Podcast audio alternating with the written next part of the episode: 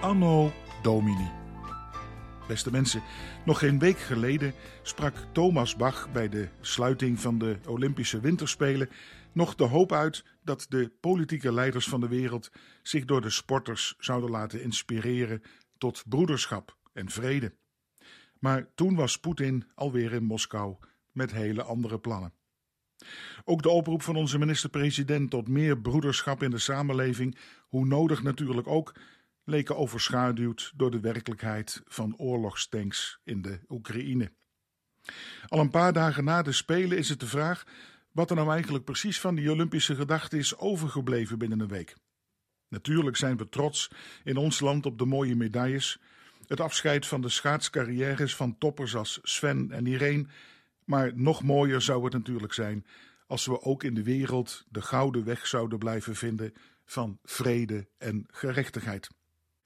Die vraag wat ons doen en laten achterlaat op korte en lange termijn bij anderen, is natuurlijk ook altijd goed om aan je eigen handelen te stellen. Laat ik in deze bezorgde tijden eens beginnen met een aardig voorval te noemen dat we meer dan 30 jaar geleden beleefden bij het einde van onze eigen winterspelen, zeg maar. We waren met ons jonge gezinnetje voor het eerst naar de sneeuw. Met een paar sleetjes en sneeuwschoenen hadden we een paar kamers gehuurd in een boerderij in Oostenrijk. Met van die heerlijke houten vloeren waar je dwars doorheen kon kijken. En met koeien in de schuur. De vriendelijke gastvrouw zorgde elke ochtend voor een heerlijk ontbijt. Waar wij natuurlijk als echte Hollanders zelf meegenomen hagelslag en pindakaas aan toevoegden. Ze zag het allemaal met een gulle glimlach aan en gaf na een week een welgemeend compliment aan onze kinderen.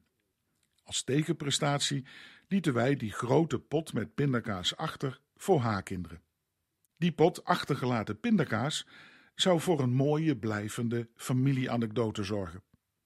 Een paar jaar later kwamen we immers weer in dat dorp en zagen we een enorm spandoek hangen met de familienaam van onze gastvrouw erop. Een van haar kinderen was wereldkampioen skier geworden en het hele dorp was er trots op.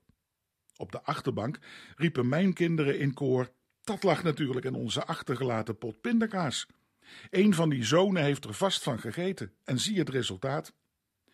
En braaf fantaseerde ik mee en voelden we ons even mee wereldkampioen. Een mooi familieverhaal was weer toegevoegd aan ons familiealbum en zou zich zo kunnen leden voor een aardig spotje van Unilever. En nu dus voor deze column. Hoe het allemaal werkelijk gegaan is, dat was misschien niet eens het belangrijkste.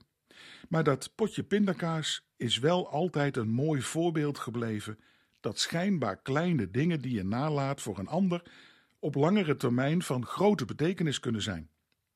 Dat zit niet alleen dus allemaal in grote daden, maar soms in kleine gebaren die een wereld van verschil kunnen maken, zelfs in de wereldgeschiedenis. Zo kwam deze week met alle oorlogsdreiging een lied bij me in gedachten dat vrienden ooit vanuit de kerk eens op een plaat hadden gezet. In mijn hart had ik het blijkbaar meegedragen als een potje vitamine, zeg maar, van bemoediging en schroefde nu dat muzikale deksel van dat potje maar weer eens even los. Anno Domini heette dat lied.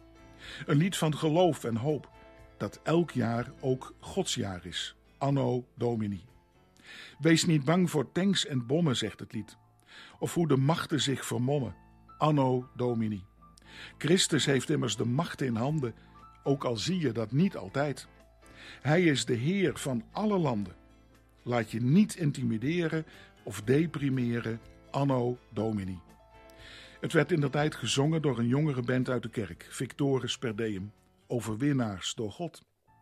En het klinkt ruim 40 jaar nog steeds meer dan actueel. Woorden die ook ontleend zijn aan Romeinen 8, die vroeger in de kerk waar ik kwam vaak werd voorgelezen. En ook nog steeds diep in mijn geheugen gegrift staat. Waarin we horen dat deze wereld uiteindelijk God niet uit de handen zal lopen.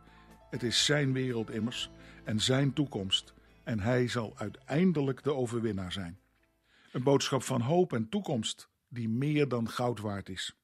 Die ons ook uitnodigt om uit zijn vrede te leven en ervoor te blijven bidden en ook te blijven zoeken, dichtbij en ver weg, naar een verbindende broeder- en zusterschap.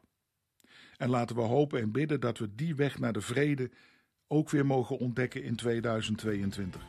Dat immers nog steeds Anno Domini is.